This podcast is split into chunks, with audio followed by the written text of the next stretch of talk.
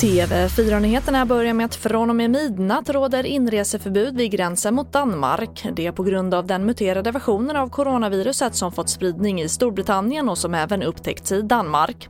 Svenska medborgare har rätt att resa till Sverige och kommer inte att beröras av reseförbudet men övriga resenärer från de berörda länderna kommer att avvisas. Och sen till USA där tillträdande president Joe Biden nu har fått sin dos av covidvaccinet. Och han vaccinerades med det vaccin som utvecklats av Pfizer-Biontech. Biden uppmanar alla amerikaner att fortsätta att använda munskydd och att följa lokala råd och rekommendationer fram till dess att de fått vaccinet. Och vi avslutar med att idag tillsätter regeringen och samarbetspartierna en utredning om hur ett förstatligande av skolan kan gå till, det rapporterar DN.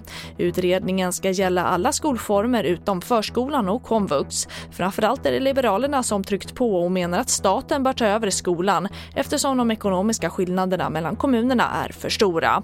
TV4-nyheterna, jag heter Charlotte Hemgren.